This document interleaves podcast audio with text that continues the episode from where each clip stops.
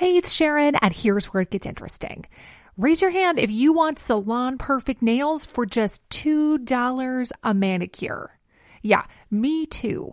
With the and June Manny system, you can say goodbye to expensive services that take hours and hours and love your nails more than ever. I would know I've been doing it for years. Get 20% off your first Manny system with code PERFECTManny20 at oliveandjune.com slash PERFECTManny20. That's PERFECTManny20 at oliveandjune.com slash PERFECTManny20.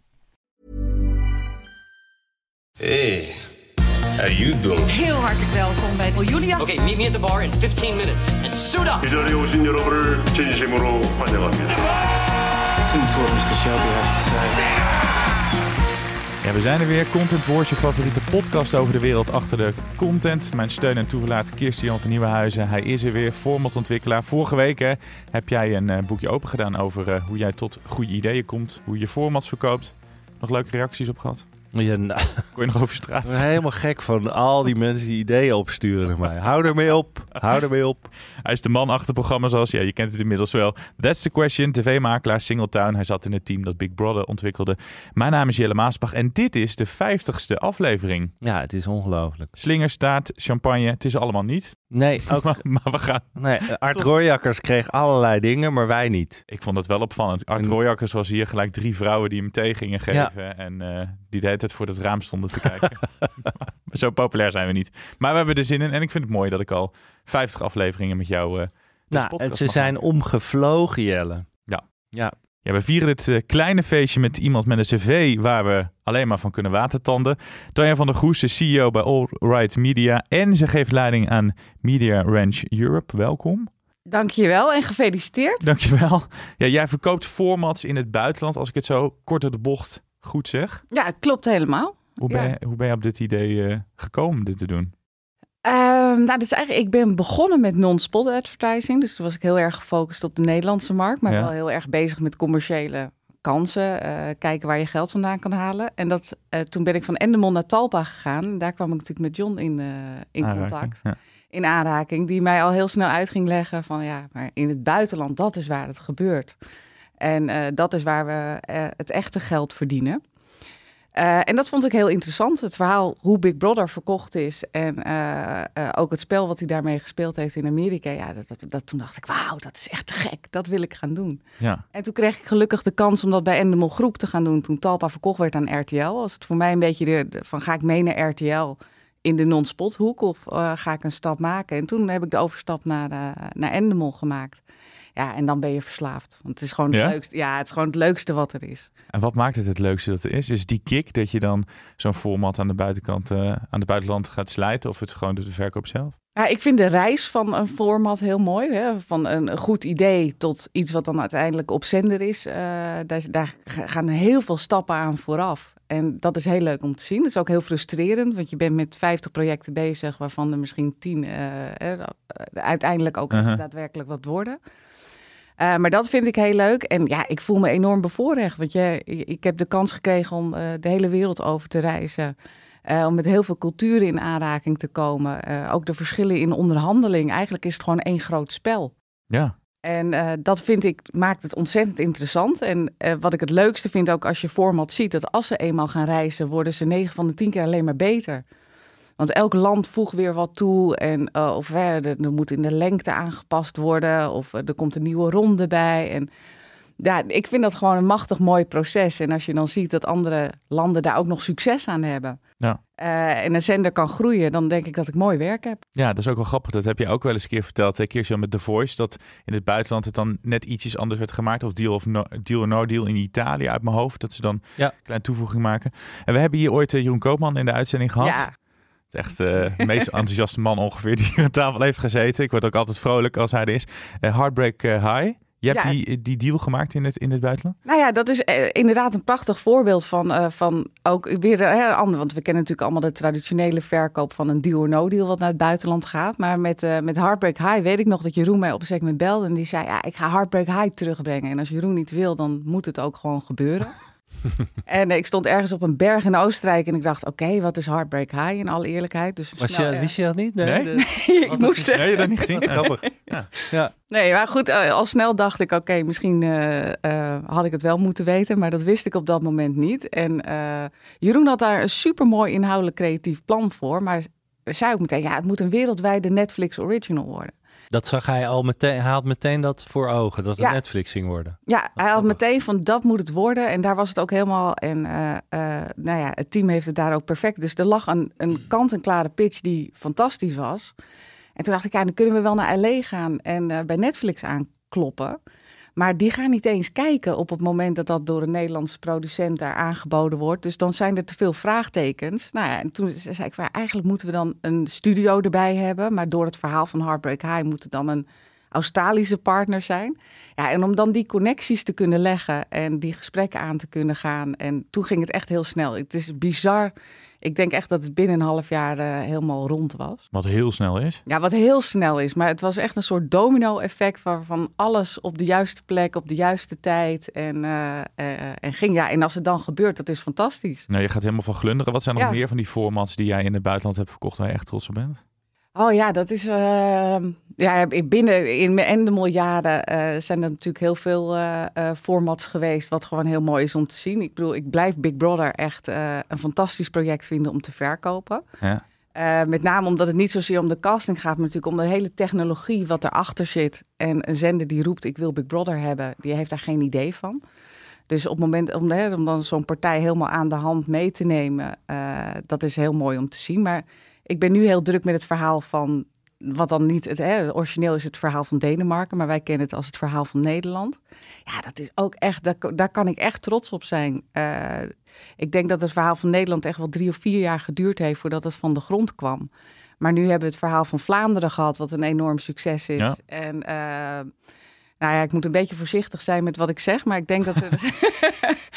Eh, ik weet vrij zeker dat er nog twee verhalen in ieder geval aankomen. Maar ik denk dat we zelfs wel eh, eh, dat nog gaan overstijgen. En in ieder geval met opties. We zijn nu in de US dan in gesprek waar ze aan het kijken zijn of we niet het verhaal van de 52 staten ervan kunnen Oh, maken. dan wordt het heel erg eh, cool. ja, dan kan ik met Ja. pensioen. Dat, eh, Met, met, Ja. grote, met grote budgetten heb je het dan over natuurlijk. Ja, Ja, Leuk hoor. En, en Maar- wat mij ook eh, lijkt, zeg ik even he- heel dom. eh, het eerste land lijkt me ontzettend moeilijk om het daar te verkopen. Maar als het, nou ja, we hebben het over Amerika of eh, het Verenigd Koninkrijk. Als het daar loopt, wordt dan de rest makkelijker? Of is dat te simpel gezegd? Nou, ik vind het, het, het grappige is eigenlijk dat ik Amerika zelf een hele spannende markt vind. Want op het moment dat je in Amerika in development bent, gaat iedereen daarop zitten wachten.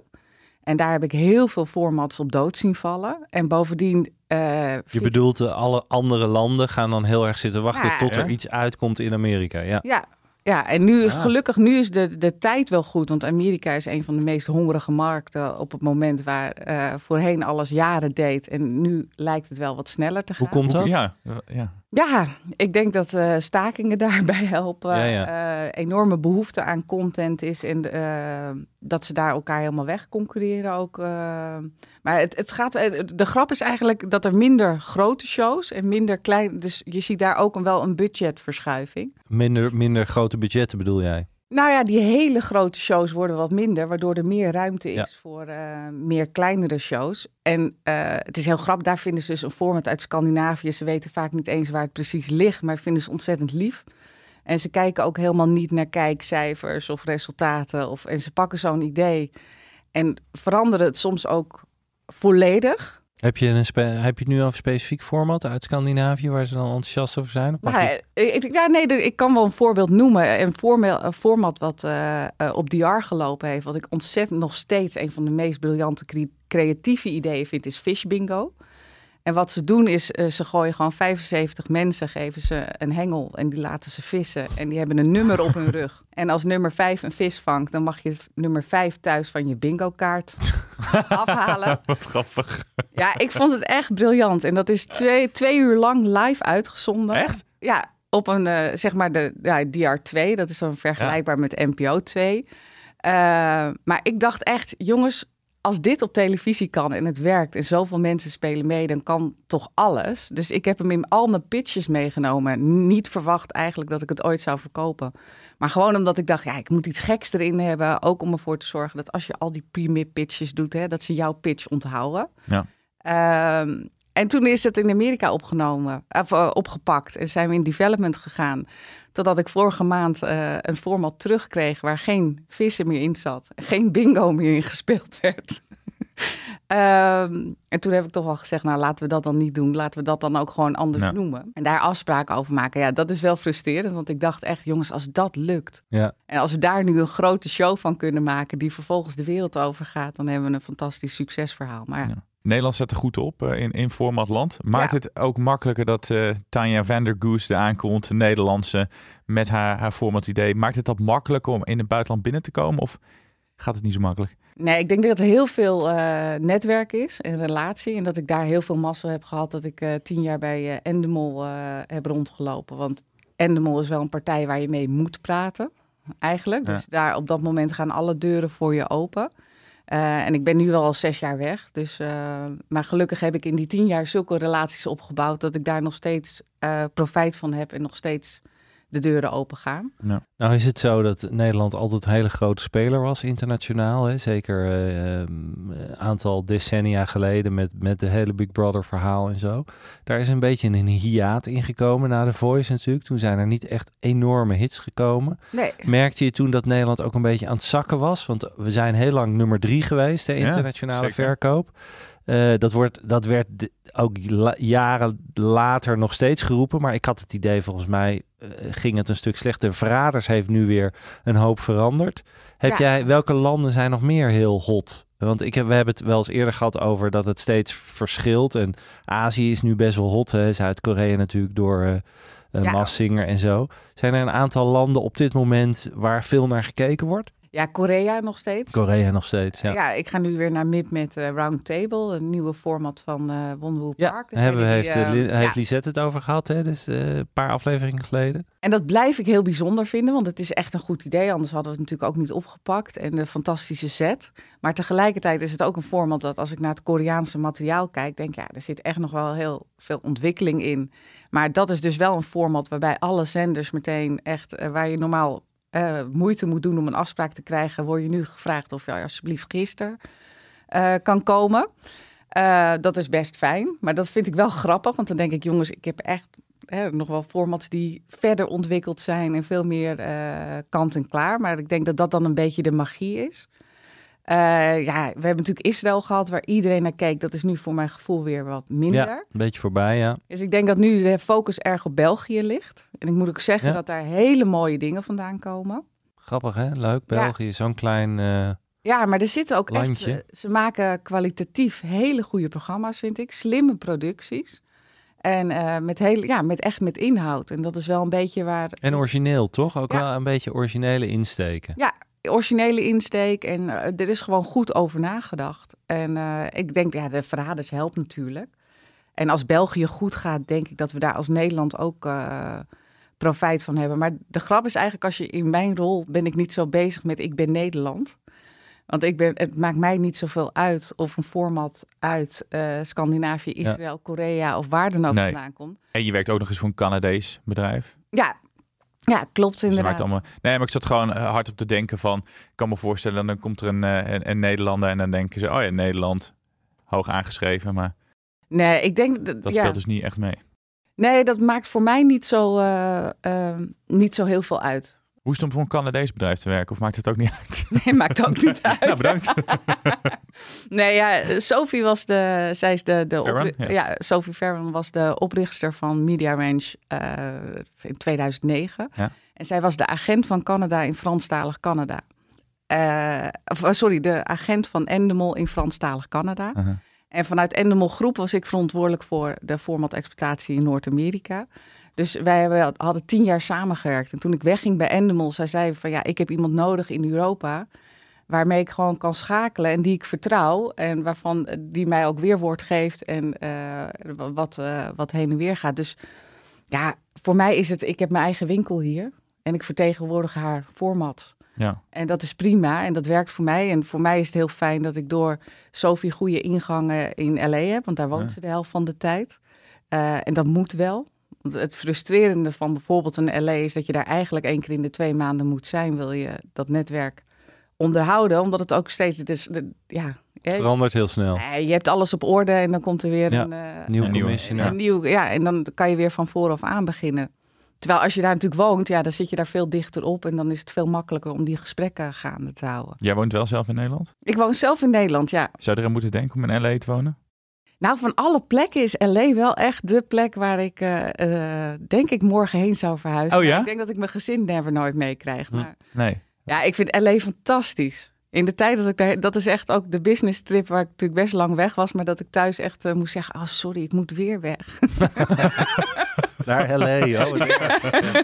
ja, Oh, wat grappig. Ja, Ja. dat had ik dus niet zo snel eh, gedacht. Dat lijkt me een beetje, ja. Het is een beetje Ja. uh, hater door li- eh, Ja. love it or hate it. Hè, Ja, ik, heb dat met New York. Als ze zouden zeggen, wil je naar New York? Dan zou ik denk ik Ja. nooit meer terugkomen. Dat vind ik zo geweldig. Maar... Ja. Nee, maar het is wel, kijk, als je gaat pitchen en je gaat pitchen in bijvoorbeeld de UK, en je, krijgt de interesting en eh, dat, dat, vind ik heel, dat vind ik veel moeilijker. Maar dat ligt natuurlijk aan, aan, eh, Mm. ook Aan de persoonlijkheid. mentaliteit, eh, mentaliteit Ja. van de Engelsen, ja. En in Amerika is het fantastisch, want elke pitch, je komt daar met zoveel energie vandaan. Dat je eigenlijk voordat je Oh naar de MIP God. gaat, ja, oh, is amazing. amazing, Ja. like really amazing. Maar dan hoor je vervolgens nog steeds niks meer. dat, zo werkt het in Amerika ook vaak natuurlijk. Oh, we hebben meest, ja, ja, ja, absoluut. Ik heb ooit daar eh, eh, over mijn lijk gepitcht aan Facebook. Dat vond ik toen een hele mooie connectie. En daar hadden we echt een hele goede inhoudelijke pitch voor uitgewerkt om dat eh, te doen. Dus ze waren heel enthousiast.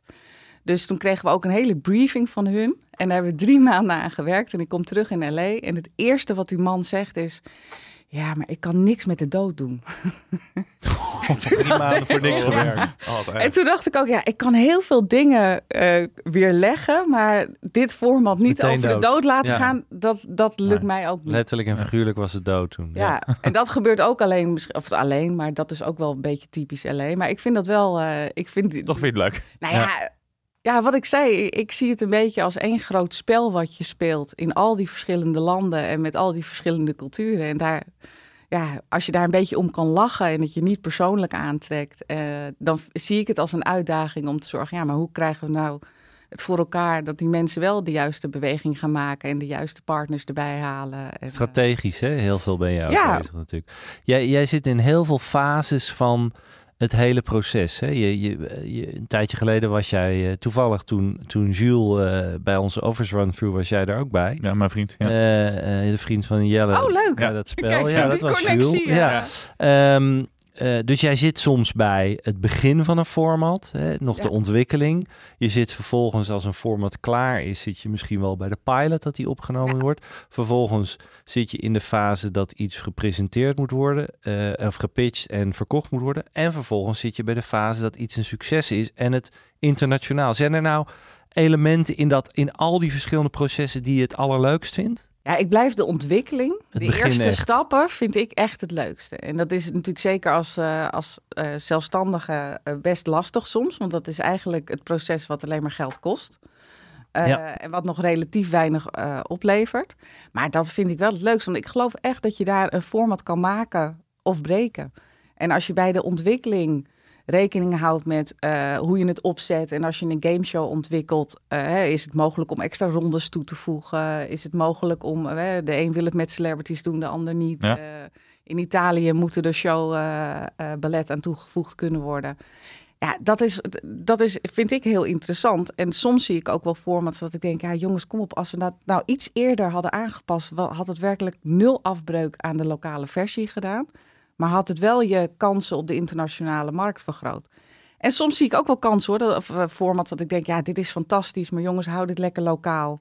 En eh, eh, hier ga je in het buitenland niets mee kunnen, want er zijn al zoveel eh formats. Ja, wat wel grappig is, nu Kirstian het zegt, want ik dacht, jij gaat alleen maar de boer ermee op in het buitenland als het hier echt een succes is gebleken. Dus als het al een tijd wordt uitgezonden en dan pas. Maar je doet dat dus ook gewoon. Ja, nee, als ik slim ben wel, want dat zijn natuurlijk wel de makkelijkste formats. Ja. Maar eh, dat is dan waarschijnlijk, eh, ja, ik vind het zelf het leukste om het echt vanaf het begin te Ja, doen. Omdat ik geloof, ik geloof namelijk ook, wij hebben ook wel eens aan een paperformat gewerkt waar ik Ja. enorm in geloof. dat komt uit Korea. En dan krijg je dus een pitch, waar, dat was echt een foto met eh, eh, 200 mannen met een, een kartonnen doos over hun hoofd. En eh, dan moest zijn partner raden wie dan... eh, Mogen we de titel oh zeggen? ja, Honey in the Box. Ja, Honey hoor, in the Box mag. heette het. Ja, ja, heel leuk. Ja. Eh, eh, eh, vorige week hadden we het heel snel. Vorige week hadden we het erover. Het begint met een goed basisidee. Nou, Ja. dit was het basisidee waarvan je denkt 200 man met een doos op hun hoofd. What the fuck? Ja. Maar daar dat was eigenlijk ook bij binnen, het enige wat er bijna was. Op een wat dingen na. Ja. Ja, en wat er was, klopte, Ja, helemaal, klopte helemaal inhou- niet. klopte inhoudelijk niet. Het was niet eerlijk. Het was het, het, het- ja, en daar zijn we nu in eh, verschillende landen mee geweest. En nu uiteindelijk heb ik, heb ik nu een versie waarvan ik nog steeds geloof dat dit hem gaat worden. eh, waarbij de elementen toegevoegd zijn. Inmiddels zijn het geen 200 mannen, maar zijn het 50 mannen. Eh, zijn, er- is de technologie uitgewerkt en de gameplay en noem alles maar op. Maar dat proces is fantastisch. Ja. Dat vind ik eh, het Iets zien ontstaan. Hè, is iets het zien ontstaan. En eh, eh, dan dus ook, want ik denk als dit bij het Koreaanse idee was gebleven, dan had het nooit het levenslicht. Nu moet ik bij deze nog maar afwachten of het ooit het levenslicht gaat zien. Ehm, maar ik geloof er nog steeds in dat dat wel gaat gebeuren. Is er een format waarvan je... Ik heb ook een format waar ik altijd nog steeds jammer vind dat het niet is gaan lopen door allerlei redenen. Is er er- ergens eentje waarvan jij denkt, het is zo jammer dat dat nooit is gaan lopen? Nou, wat ik, wij hebben ooit nog een keer zo'n eh, zo'n paper format opgepakt. Eh, en dat was ontwikkeld door iemand die bij Mark Burnett in het team zat. Ja, Mark Burnett, een hele grote producer in Amerika van onder andere eh, Expeditie Robinson heeft hij daar gehad, Survivor in Amerika. Ja, nou, de, dit was ontwikkeld door degene die alle challenges voor Survivor Ja. doet. Dus die eh, eh, zit het grootste gedeelte van, eh, van het jaar eh, op de eilanden en in zijn vrije tijd. Loopt nog steeds hè, in Amerika Ja. Survivor. Giga-hit. Eh, en die had een heel goed idee. Dat was een beetje ehm, eh, een format wat tussen ehm eh, Got Talent in zat. Ja. Ehm, maar op een andere manier ingestoken. Dus je hebt allerlei soorten optredens. En je hebt twee teams van celebrities. En die moeten dan gaan raden wat ze net gezien hebben. Maar dat, dus je kijkt naar een, eh, een eh, optreden. Maar dan gaat het dus daarna krijg je vragen over had hij paarse sokken aan? Of hoeveel ringen gooide hij in de lucht? Maar het ging dus heel erg expect the unexpected behind the wall. Dus het ging op en het kon Een zingen soort zijn. game show met talent. Ja, Ah, grappig. grappig. en wij dachten, ja, dat is tof. Dat is vernieuwend Meespelen. Ja. meespelen. En eh, nou, dat werd ook binnen no time hadden we opties in 13 landen. Heb ik ook van geleerd. Want vervolgens gaan 13 landen ontwikkelen. En heb ik echt een dagtaak gehad om ervoor te zorgen dat die ontwikkeling wel. Ja. Dus toen heb ik uiteindelijk iedereen bij elkaar geroepen en gezegd: luister, we gaan nu een menukaart maken. En weet je, het hoofdmenu is voor iedereen hetzelfde. En wat je als bijgerechten wil, vind ik prima. Maar dat hoofdmenu moet wel hetzelfde blijven. Want anders heb ik straks nog steeds niks. Dan heb ik Ja. 13 verschillende shows. Ja, en dat format is uiteindelijk toen in Duitsland door ProSieben opgepakt. En die hebben er 120 minuten van gemaakt. En het was tijdens de eerste lockdown. En er kwam hints bij kijken. En het was gewoon veel te lang. En het was geen gameshow meer, geen talentshow. Dat, die 120 minuten versie hebben we toen naar drie kwartier teruggeknipt. En toen dachten we, ja, dit had het moeten zijn. Ja.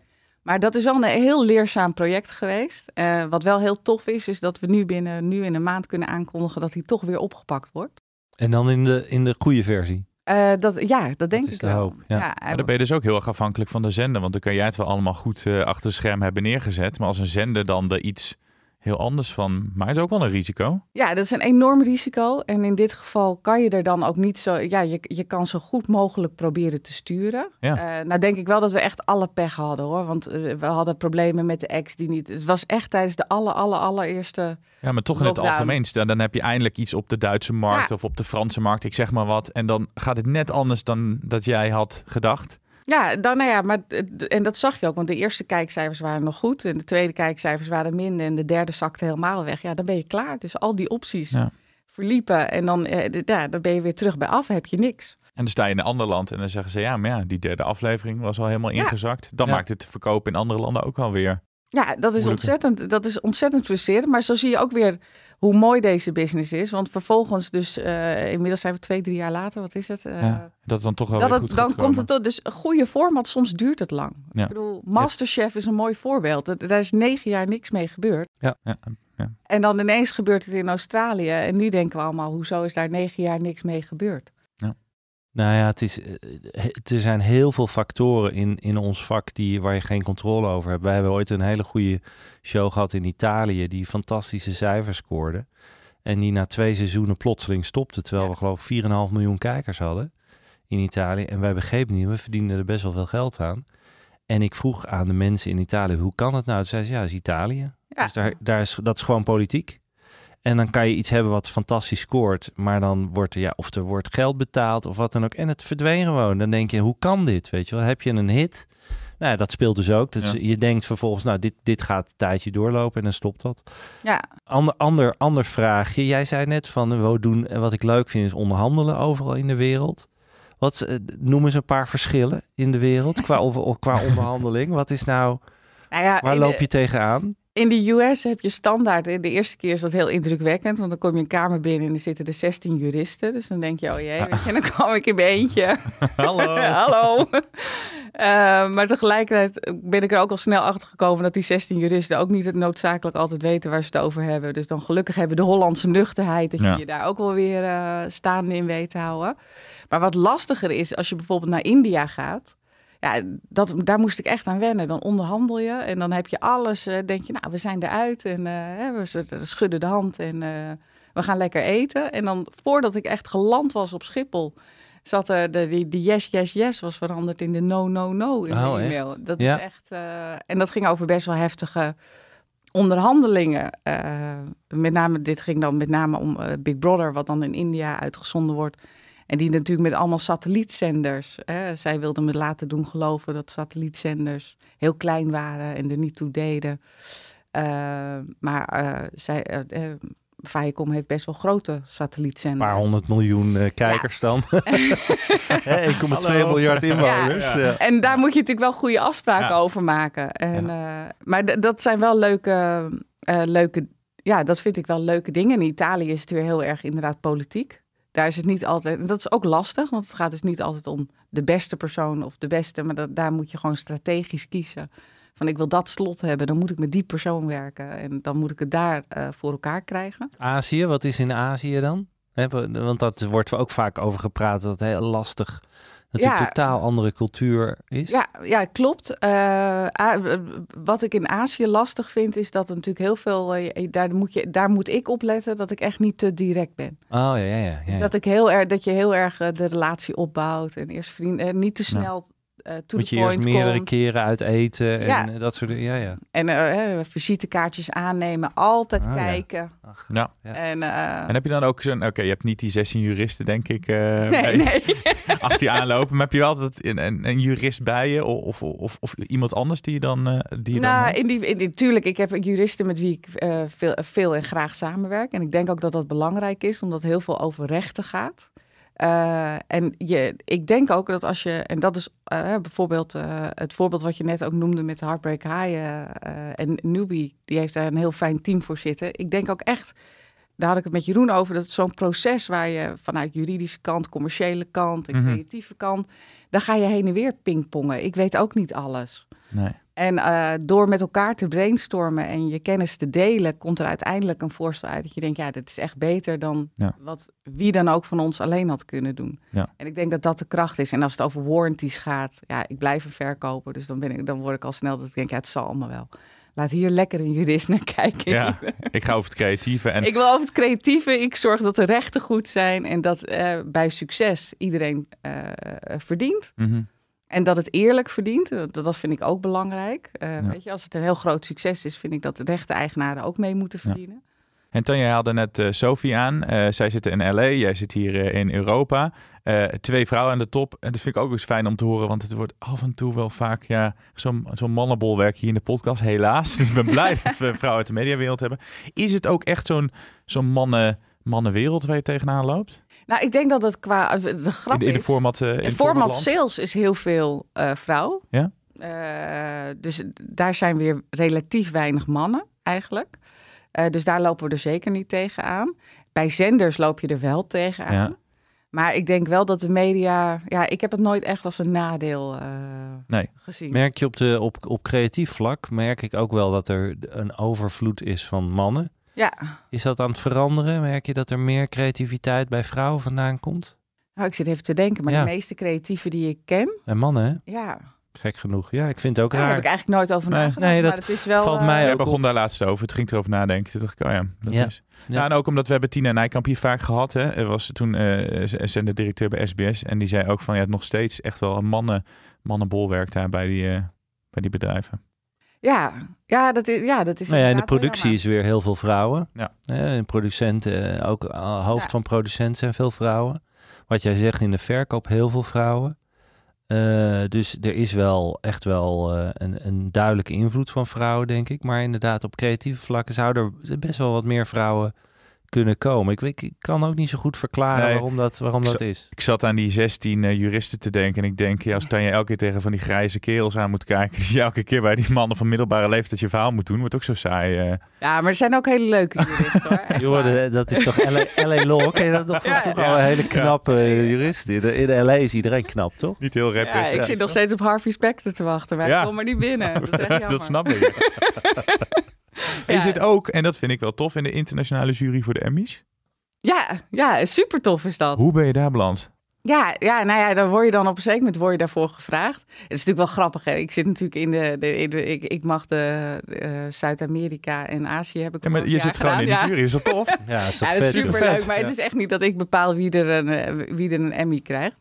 Maar het is wel heel leuk en het is een grote eer. Het kost enorm veel tijd. Dat is Ja, wel, wat, wat, wat eh, neem, ons, neem ons eens mee. Wat, wat doe je dan precies? Nou, je krijgt dus eh, iets van 20 of 25 programma's eh, toegestuurd. Mhm. En die moet je dan gaan kijken. En dan, dan moet ik gaan kijken hoe, die, hoe ze in elkaar zitten qua format, eh, qua licht, productie. En ja, dan Wat mag tof. ik daar mijn mening over geven en een aantal punten toekennen. Ja. En eh, dat wordt dan weer meegenomen en dan gaan ze naar de eindselectie toe. En dan is er een andere jury die bepaalt wie daar de winnaar van is. Maar het is gewoon leuk om daar onderdeel van te Ja. zijn. En uitgenodigd te worden voor een Emmy-diner. En dan denk ik, eh, ja, het zijn geloof ik 150 mensen in de wereld. Dus als je het zo bekijkt, is het wel weer heel Dat is, eh, bijzonder. heel bijzonder. dat Mag je ook naar de uitreiking? Ja, daar mag ik ook heen. Moet je wel alles zelf betalen Dan natuurlijk. moet ik alles zelf betalen. En Vind ik dan ook dus- gek. Dus, dus je helpt ze, maar je krijgt er niks voor terug. Nee, eigenlijk niet. Nee, eigenlijk Het is een eer, zullen we maar zeggen. Dat is Het is toch? een Ja. eer en het kost veel tijd. Maar eh, ik vind het leuk om te doen. En ik vind het ook belangrijk om te doen. Want ik doe het niet alleen voor de Emmys. Ik doe het ook als andere mensen het me vragen. Omdat ik het gewoon belangrijk vind voor de industrie. Mhm. En eh, eh, awards en eh, überhaupt eh, hè, naar elkaars content kijken. En Ja. kijken wat we ermee kunnen. Uiteindelijk worden we er allemaal beter van. Eh, dus ik probeer daar altijd wel tijd voor vrij te maken om daaraan mee te werken. Maar de Emmys vond ik gewoon leuk. Ja, dat snap ik. En het gaat dus om Zuid-Amerika, dus je mag niet naar Nederlandse... Nee, ik mag niet. kijken, nee, nee, nee. Want, nee, toevallig zei ik laatst tegen iemand: Oh, die moet je echt inzenden voor een Emmy. En die zei: Ja? "Ah, Jij zit toch in de jury? Ik zeg: Oh ja, wees gerust. ik heb daar echt.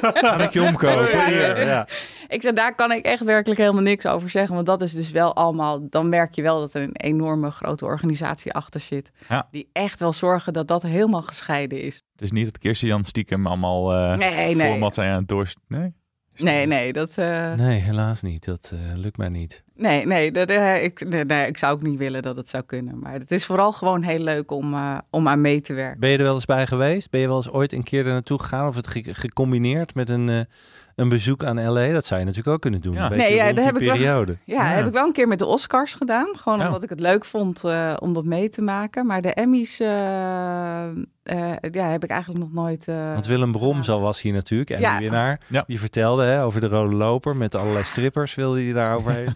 Ja, Dus, is- maar ja, dat, is, dat vind ik dus ook wel een beetje de magie van L.A. Het is gewoon één groot circus. ja, Eh, wat natuurlijk eigenlijk hartstikke nep is, maar weer zo nep is dat het eigenlijk Ja, hartstikke ook, leuk is. je wilt ook meemaken. Nou ja, en het hoort ook gewoon een beetje. Ja. Maar dat klopt, ja. Het is allemaal een groot circus. eh, maar wel een heel leuk circus. Maar ja, dat is natuurlijk MIP TV eigenlijk. En MIPCom eigenlijk ook. zeker, nou zeker. Maar LA is wel extreem daarin natuurlijk. LA is natuurlijk inderdaad nog iets meer groter circus dan Mipcom. Ja, ja. Maar eh, nu, nu hè, jij bent vooral heel veel bezig met formats. Heartbreak High is natuurlijk Ja. eh, scripted, hè, is een, een eh, dramaserie. Ehm, doe je daar meer, ga je daar nu steeds meer in doen in drama? Want vaak is dat gescheiden. Hè? Mensen zijn partijen die verkopen vooral drama en zijn partijen die verkopen formats. Dat zijn ook echt wel twee verschillende werelden. Ja, Ehm, merk je door het succes van Heartbreak High dat je meer richting de drama kant op gaat? Nou, ik deed al meer bij drama, omdat ik ook eh, met BNN Vara veel eh, samenwerk. En die hebben natuurlijk echt een prachtige drama ja, zeker. Dertigers Eh, en, enzovoort. Hè? Ja, ja, en Klem. Klem, en ja. Overspel Ja, ja. en Hollands Noem je even een paar, en, ja. eh, Oogappels. En weet je, er zitten echt hele mooie titels in. eh, waar je internationaal ook eh, veel mee kan. En tot er aan, met name het meeste geld in scripted zit echt nog wel in ready-made. En dat doe ik niet. Als ik commercieel slim zou zijn, doe ik dat wel. Ik Ja, ready-made zijn, de, is, zijn de, eh, de afleveringen die al gemaakt zijn. Voor Ja. de luisteraars die dat niet begrijpen. Eh, en af en toe doe ik het natuurlijk wel, want het kan vrij makkelijk eh, geld verdienen zijn. Maar wat ik het leukste vind, is dat ook weer eh, de afgelopen jaren, doordat er zo'n behoefte is aan content, is het gewoon voor een, een, een ontwikkeld traject, zeker van een dramaserie, duurt er gauw twee jaar. Ja. Dus als je een serie hebt die goed is en daar heb je gewoon, hè, in het geval van Klemmen, bijvoorbeeld 30 goede scripts liggen. Ja, dan is dat heel fijn, want dat scheelt je twee jaar in ontwikkeling. En als je dat kan produceren, dan... eh, ja, en er is enorm veel vraag bij vooral streamers ja, naar drama. Eh, merk je dat ook voor Nederlands drama? Scandinavisch drama Ja. hebben wij het vaak over gehad. Hè? Nordi Noir en de Scandi Noirs, hoe je ze noemt. Heel veel van verkocht, internationaal. Heel veel geld mee verdiend.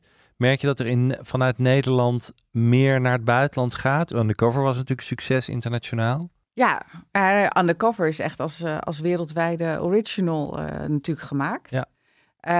Vond ik wel ook echt een van de eerste projecten waarvan ik dacht, ja, dit is ook echt een co-productie. Want dat dit door Nederland en België gedaan wordt, ja. is heel logisch. Ik vond het heel mooi, ja, natuurlijk opgezet. Ja. Uh, maar je merkt dat zeker wel. Er zijn natuurlijk zoveel platforms. Je hebt bijvoorbeeld Walter Presents, uh, die in samenwerking met uh, Channel 4 in de UK Global Series Network heeft. Of dat heet dan Walter Presents. En die doet heel veel met buitenlands drama. Nou, daar zit heel veel Nederlands op.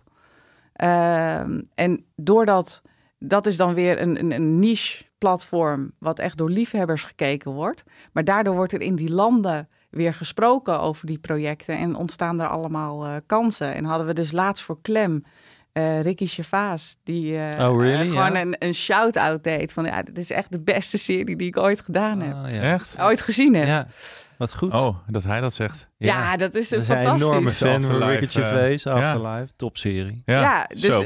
ja, dus, maar dat is dus, maar dat is dus mooi. Merkte je dat ziet... meteen, want jij verkoopt dus klem of niet? Ja. Of, he, heb je toen meteen gemerkt dat dat een... Dat ja, het wat, zeker. Ja, hè, want zeker. hij heeft zo'n enorme following natuurlijk. Ja, en het mooie is dat mensen dachten dat daar echt een soort deal onder zat. Maar dat, het was echt een spontane shout-out. En leuk. Uh, ja, dat is natuurlijk ja, dat moet je leuk. hebben. Ja. ja.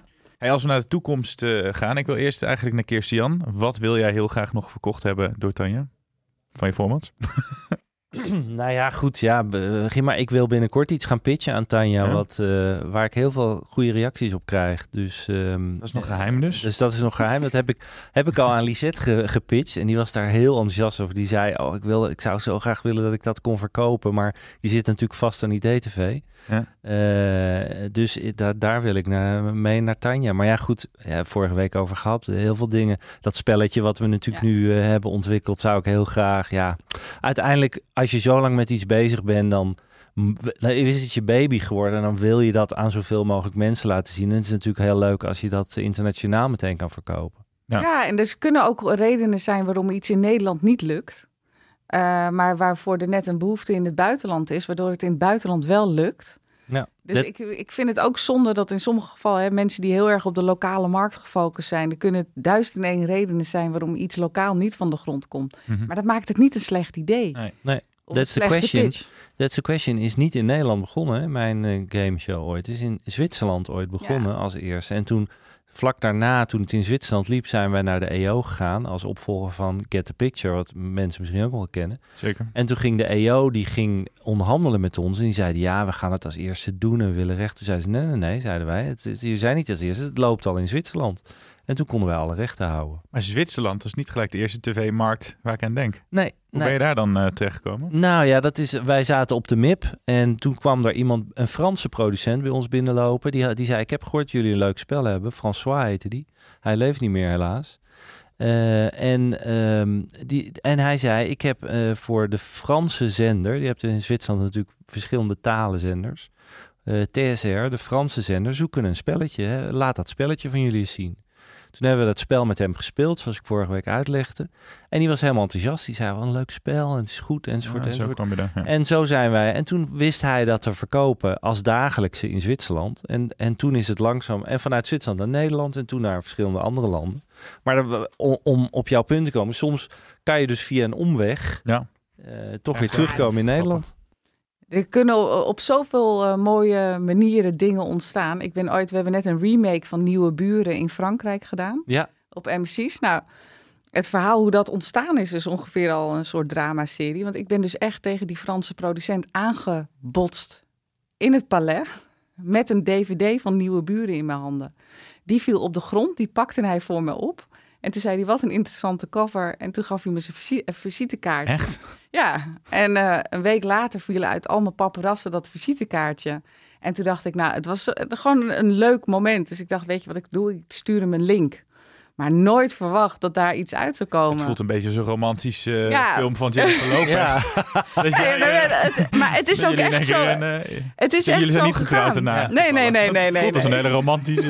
Nee, maar het was ook helemaal niet zo'n soort ontmoeting. Het was Het kan, echt. ja. Het, het ging Ja, ook echt om grappig. de content en eh, denk ik wel wederzijds ik Wat bedoel, leuk. eh, respect voor wat er. eh, het kan heel, heel gek lopen.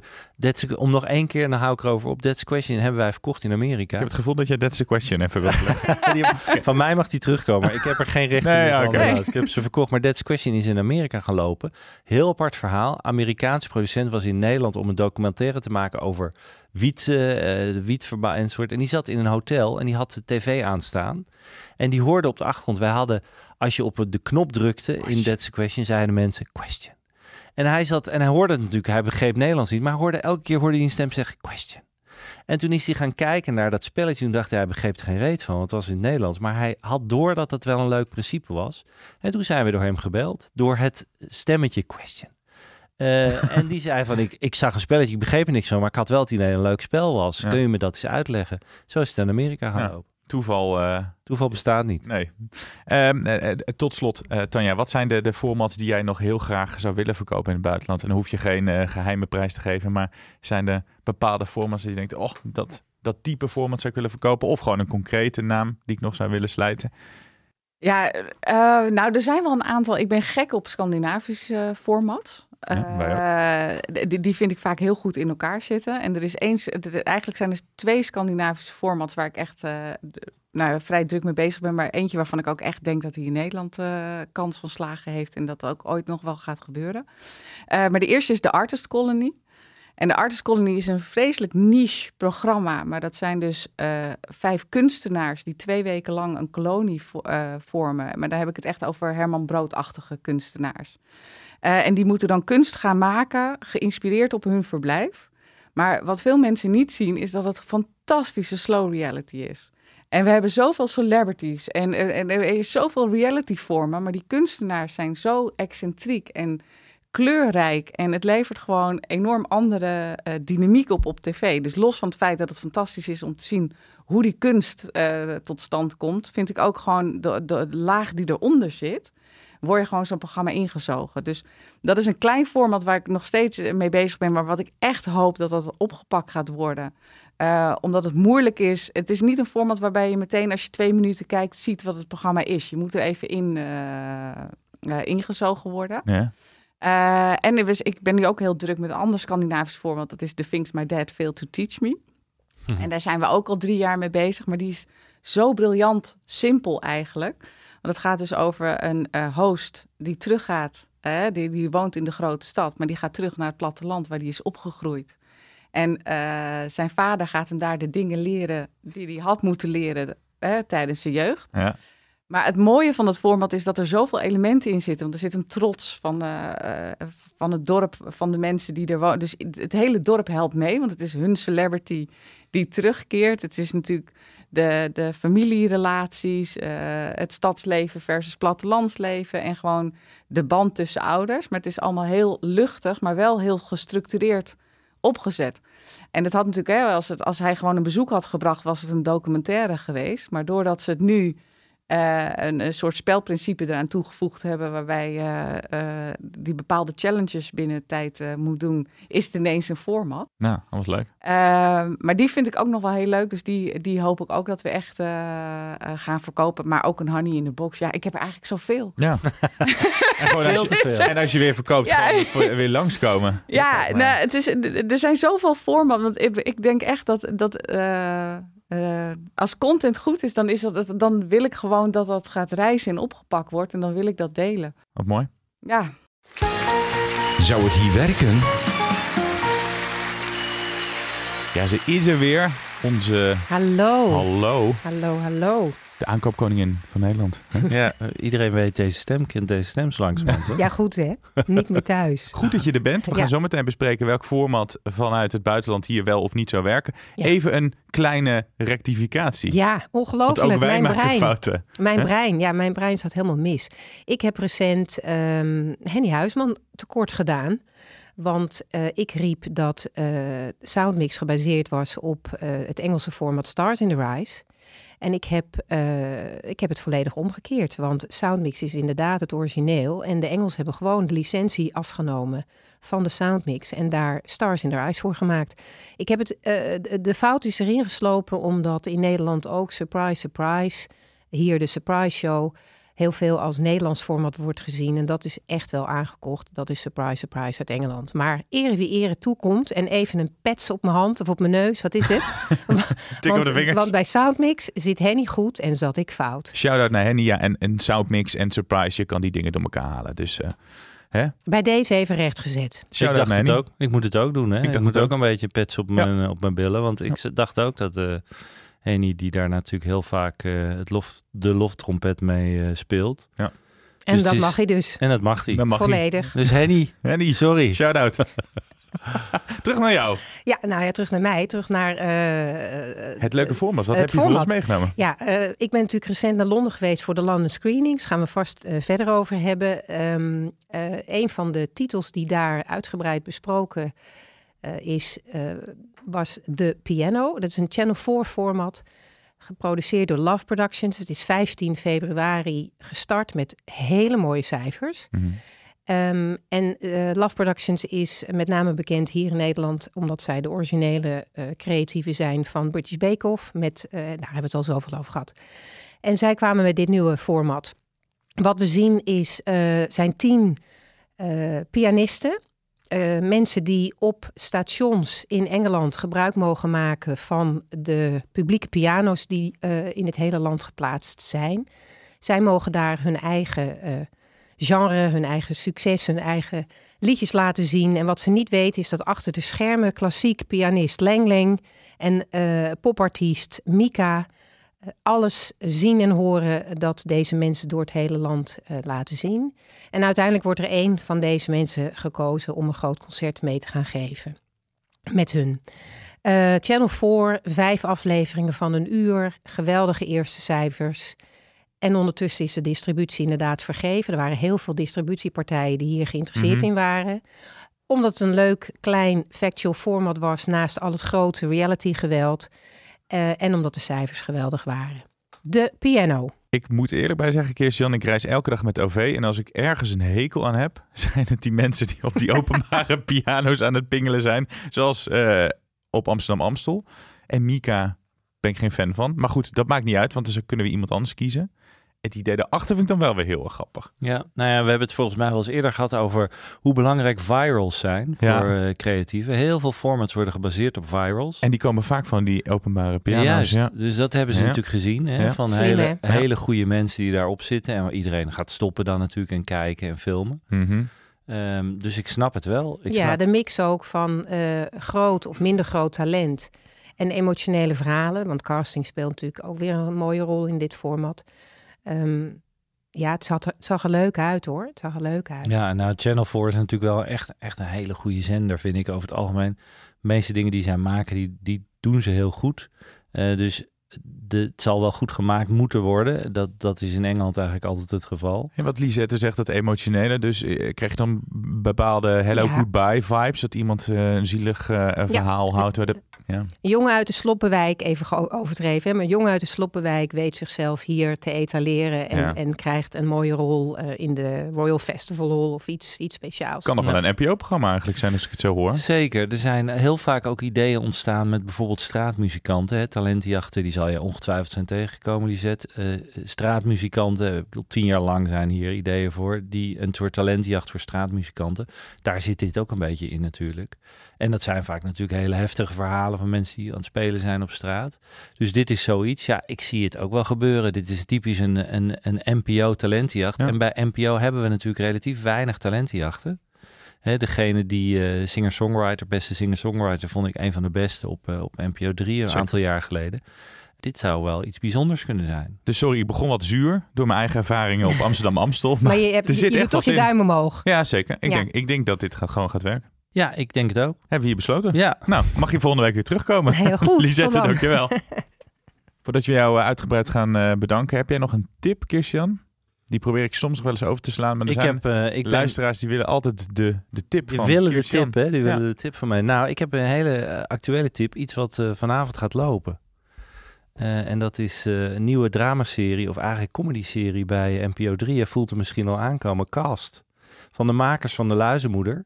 Ja. eh Ilse Waringa, maar die samengewerkt heeft met Nick Barends. En Nick Barends is ook een hele grote in comedy. Nieuwzeer maakte zij onder andere samen. Ik weet niet of je dat nog weet, Ja. maar Nieuwzeer, hele leuke comedy show. Gaat vanavond beginnen, Cas. Ik verwacht er heel veel van. Ja, als het een net zo'n, al is het eh, maar helft van De helft van de luizenmoeder, dan eh, ben je wordt binnen. het een knaller. Het gaat over een castingbureau. Er is al een hele leuke serie op Netflix, eh 10%, hè, 10%. Ja, Eh, dat gaat, gaat over een, Dat is heel leuk. Ja. een managementbureau. Het zit allemaal een beetje in onze hoek natuurlijk. Ja. Eh, Five Live was iets minder succesvol als het over tv ging. Maar ik heb het vermoeden dat Cast een knaller gaat worden. Omdat het, als het die droge humor heeft van de luistermoeder, een beetje awkward. En daar zijn die Ilse en zij heel goed in. Zo goed. Zij zijn allebei heel goed in dat, dat een beetje ook wordt Ricky Gervais in die Ja. Office ook heeft een beetje rare humor. Eh, dus ja, ik, ik denk dat dit een knaller gaat worden. Ik ben heel benieuwd waar. En ik, wat ik ook leuk vind, comedy is moeilijk te maken. Hebben we het eerder over gehad met Menno Stam. Eh, en we hebben er te weinig van in Nederland. Ja. Gewoon leuke. We hebben een paar aan hele goede comedy shows. Hè. Eh, Toren C enzovoort.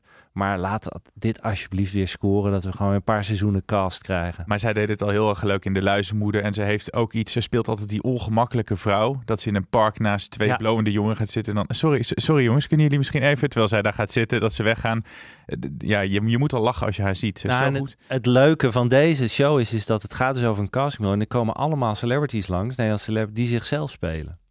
Dus Ah. eh, gewoon als zichzelf komen ze langs. En Ferry Doedens komt dan langs Oh, ja. enzovoort. En daar is het ook op geschreven. Dus het wordt gewoon... Er zijn heel veel grappen geschreven op de karakters zelf. Ferry Doedens komt langs als een beetje gemankeerde gast. Waarschijnlijk ook die werkt op eh Die komt eh, en die geen werk meer Ja. heeft. Dat soort. En Dat is leuk. ja, dat lijkt me echt heel, heel erg leuk. BNS met zelfspot, ook wel een keer leuk. Ja, en dus, dus cast NPO 3 vanavond. Tanja, dankjewel dat je er was. Nou, je hebt nu een aantal formats genoemd die waarschijnlijk weer met jou eh, kunnen wel gewoon verkocht worden. en dan moet je even snel Ik weer hoop langskomen om daarover eh Nou, te dan praten. eh, ga- zal ik een update geven. Het is heel leuk dat je er was. Nou, insgelijks. Dankjewel. Ja, dankjewel eh Tanja. Tot snel.